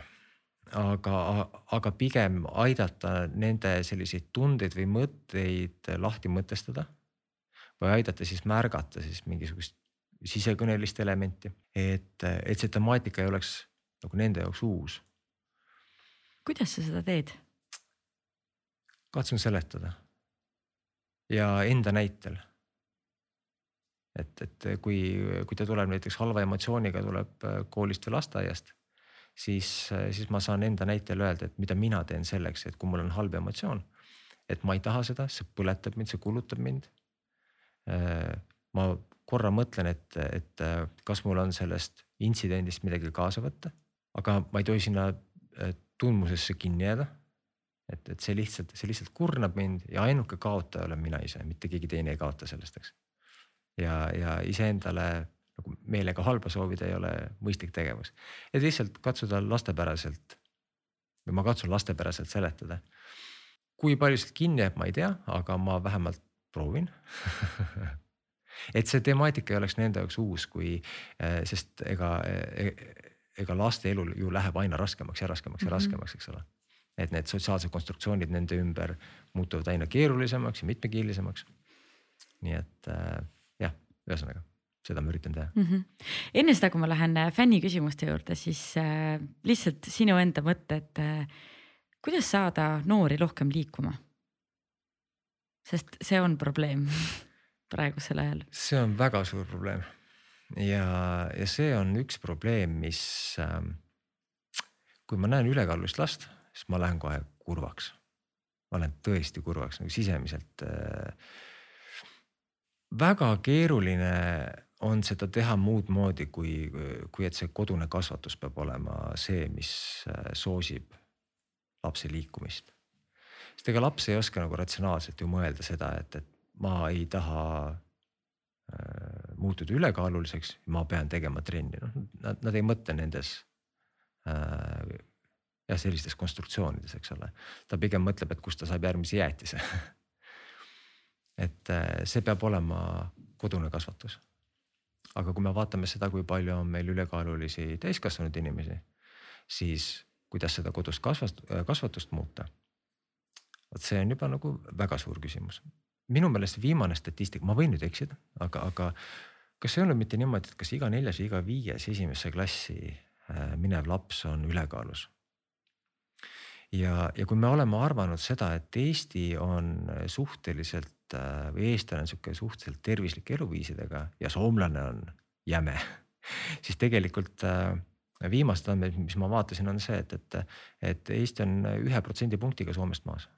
et sisuliselt see on sama aga viisteist aastat tagasi siis mõtlesime, et näed, nüüd on üle lahe on hea elu peal ja ei pööra enda välimusele või, või sellisele äh, tervislikule sportlikule vormile mingit tähelepanu, aga me, noh, see on heaolu, heaolu ühiskonna märk, on ju. Äh, minul ei ole siin head lahendust, et ähm, jah, see ongi aus vastus, mul ei ole head lahendust, et, et, et äh, see peab, see muutus peab toimuma nagu paradigmana, et see ei saa olla mingisugune pealesurutud asi, sest et siis on, siis on hästi suur see pushback inimestel. Äh, ja me näeme ju seda, et need tervislikud eluviisid nagu muutuks populaarsemaks, ja see kandepind on laiem. aga samas, kui me vaatame protsente, sellist äh, noh nagu üleüldist rahvastikku, siis, siis, siis see rahvastiku tervis ikkagi selgelt kukub mm. -hmm. see, see ka see nii-öelda see tervena elatud aastate arv kukub. et äh, meditsiin muutub aina paremaks, me suudame inimesi kauem elus hoida ja see kõik on hästi tore. see kõik võtab rohkem raha see võtab ka rohkem raha, eks, aga, aga lihtsalt see, et, et, et, et inimene tunneks ka sellest elust äh, täit mõnu ja rõõmu ja funktsioneeriks nii, nagu loodus on inimese ette nähtud funktsioneerima. et äh, see on hästi suur nagu probleem ja küsimus, et äh, ma saan aru elektritõukeratastest ja ma saan aru nende potentsiaalsest kasust, et kui sul on vaja hästi kiiresti jõuda punktist A punkti B, eks ole, ja nii edasi aga, aga ma käin koeraga jalutamas, selles mõttes jälgin, äh, jälgin inimesi, et äh, ma näen väga palju elektritõukeratastega sõitmas inimesi, kes tegelikult peaksid kõndima. saba. et ähm, ja jällegi see teeb kurvaks. Äh, et see maailm muutub, maailm muutub. Aga inimesed ütleme siis niimoodi, et inimese füsioloogia ei muutu nii kiiresti kui maailm meie ümber eks, inimese bioloogia. et, et äh, lõppkokkuvõttes me oleme suhteliselt, suhteliselt sarnased, nagu me olime tuhandeid aastaid tagasi. et äh, noh, ilmselgelt väiksed muudatused pidevalt toimuvad, aga, aga, aga tegelikult äh, me peame olema heas füüsilises vormis selleks, et, et nautida elu nagu täiel rinnal. Ta on, see on lihtsalt, see mõjutab meie hormonaaltasakaalu, mõjutab seda, kuidas me ennast tunneme, mõjutab seda, milline on meie enesekindlus, eneseusk. Ähm, aga rasvunud inimesel hormonaaltasakaal ei ole paigas ja, ja see paratamatult, tahame või ei taha, aga see mõjutab seda, kuidas inimene funktsioneerib ka vaimsel tasandil. et, ähm, et jah, oleks mul, oleks mul hea, äh, hea lahendus välja pakkuda, siis ma kindlasti pakuks. Aga, aga mul ei ole. Et äh, töösektsioonides mina üritan vähemalt enda panuse anda sinna, ma üritan populariseerida äh, sportlikke eluviise. aga, aga jah, see on hästi suur probleem. meil on siin paar fänniküsimust. Mm.. Merli tahab teada, mis on edu, mida soovitaksid õppida kuueteistaastasel endal täna? mis on edu Need vist võib võtta kahe erineva küsimuse. ja ma, ma, ma võtangi. Ehm, jällegi edu tähendab erinevatele inimestele erinevaid asju. aga sinu jaoks? Ehm, eneseteostus, eneseteostus, et, et sul peab olema eesmärk elus. Ja sa pead püüdma seda eesmärki saavutada see ei tähenda seda, et sul eesmärgid ei võiks muutuda, peavadki muutuma selles mõttes, et äh, kui sa võtad kuueteistaastaselt ühe eesmärgi ja sul on viiekümne üheksa aastaselt sama eesmärk, siis äh, mida sa vahepeal tegid et eesmärgid peavad muutuma, me, meie muutume, prioriteedid muutuvad, nii edasi. aga mida ma ise arvan, mida ma äh, palju noortes näen, on see, et ei ole eesmärki. Ja, ja ilma eesmärgita elatud elu on suhteliselt tühi ja nukker. aga samas, kui sul on eesmärk ja sa tahad sinnapoole, tahad seda saavutada, siis see nõuab tööd.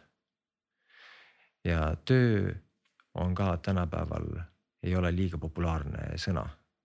et äh, me, me võime jälle tööd tõlgendada nagu erinevat, erinevat viisi, eks ole, või eri, erinevat moodi. aga, aga see nõuab tööd, et see nõuab pühendumist, see nõuab äh, fokusseerimist, see nõuab ohvreid Eh, ja väga paljud inimesed ei ole valmis nagu pühenduma, et eh, käiakse nagu Rootsi lauas, võetakse siit natuke, võetakse sealt natuke ja nii edasi. aga lõppkokkuvõttes sa tegelikult sellist, sellist nagu mõtestatud pingutust ühe kindla eesmärgi saavutamise, nimel nagu ei tee. aga mina arvan, see on minu enda nägemus, et, et noh, peab olema üks eesmärk, mille nimel sa tööd teed ja kui see eesmärk vahepeal muutub, jumala fine, aga, aga sul peab olema mingisugune äh, asi, mille poole püüelda. ja mida ma soovitan õppida kuueteistaastasele, absoluutselt vahet ei ole, mida sa õpid. et äh,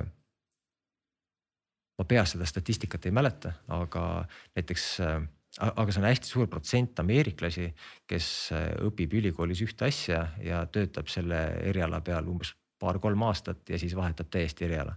Äh, see on üks asi, mis on tänapäeva maailmas hästi tore, et sisuliselt on kogu maailma teadmised ja informatsioon on paari kliki kaugusel. et kui sul on see eesmärk ja kui sul on töötahe et äh, siis sa suudad ennast ise harida äh, noh, peaaegu ülikooliga võrreldaval tasemel. võib-olla ei saa sinust neurokirurgi, eks ole et, et äh, neurogi, kui, kui sul on need ambitsioonid, siis kindlasti mine ülikooli. aga, aga jah, kui ma mõtlen ka nagu enda ülikooli aastatele tagasi, et, et siis, siis vahet ei ole, mida sa õpid. sul, sul on nii palju võimalusi ennast ise harida. võib-olla ainuke asi, mida ülikool annab, võib-olla on, on, on ka see, et see kinnistab sinu suutlikkust teha tööd. ta lihtsalt, et sul on mingisugune eesmärk, sa pead selle poole liikuma ja sa pead mingid asjad ära tegema, olgu nad siis meeldivad või ebameeldivad. aga õpi seda, mida sa tahad õppida ja, ja jah, ära ole nagu kinni üldse selles, et, et kas sellest saab kunagi tulevikus hitt väga head soovitused. näed sa siis ja võtan siit ühe küsimuse veel. Äh, mida või väga konkreetne või nagu spetsiifiline küsimus, mida või kas üldse teeksite midagi Roobuse launch'i juures teisiti? mis launch'i siin on mõeldud, et, et kas siin on mõeldud nagu brändi enda launch'i, kas siin on mõeldud IPO-t? ma ei tea.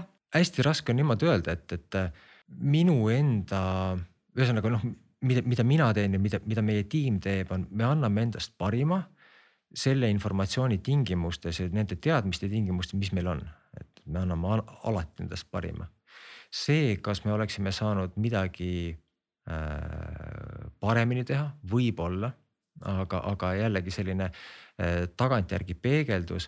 Noh, kui me muudame midagi, siis, siis võib-olla mingis konkreetses valdkonnas oleks midagi saanud paremini teha, aga võib-olla nii-öelda nagu liblika tiivalöögi efektina oleks see mõjunud negatiivselt mingisse, mingisse muusse valdkonda et äh, me lihtsalt katsume teha kogu aeg endast parima. Ja katsume olla ausad enda vastu, ausad enda progressi vastu ja, ja, ja pidevalt areneda parimal viisil. Jah, ma ei oska rohkem midagi lisada. No ma loodan, et küsija sai, sai oma vastuse. Ja kui ei saanud, siis ma arvan, võib sulle otse kirjutada, eks ole.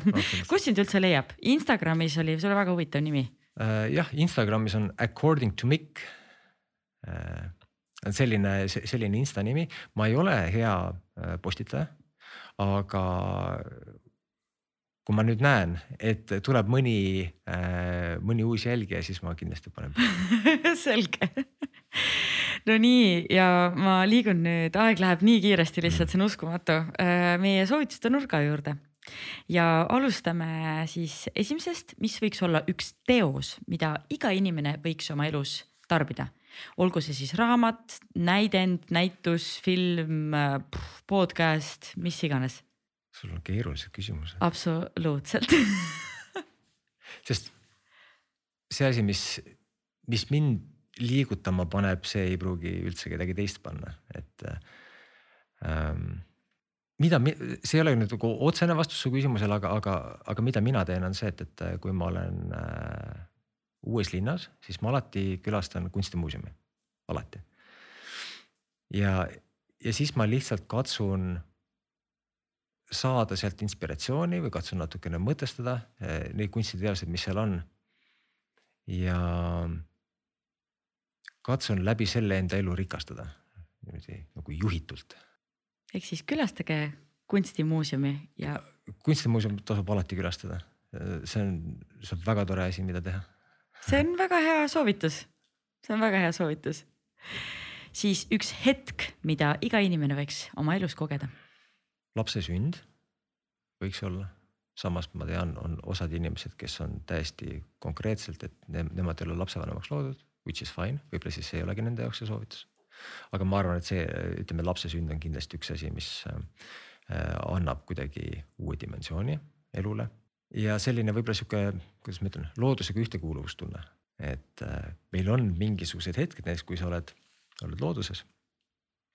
näed mingit kohutavalt ilusat vaatepilti ja siis teinekord tuleb nagu selline tunne, et, et, et nagu sinu ja looduse vahel ei ole nagu piiri või et, et sa oled nagu osa sellest loodusest, et mulle endale need hetked on hästi siuksed äh, äh, nagu toredad hetked mm, -hmm. et see täidab kuidagi hinge sellise suurusega, et mulle, mulle see meeldib. ja üks spordiala, mida võiks proovida? jah, proovida võib paljut. Äh, üks asi, mida ma enda vanemale tütrele ütlesin, et noh, tema, tema soovib ka proovida paljusid erinevaid spordialasid.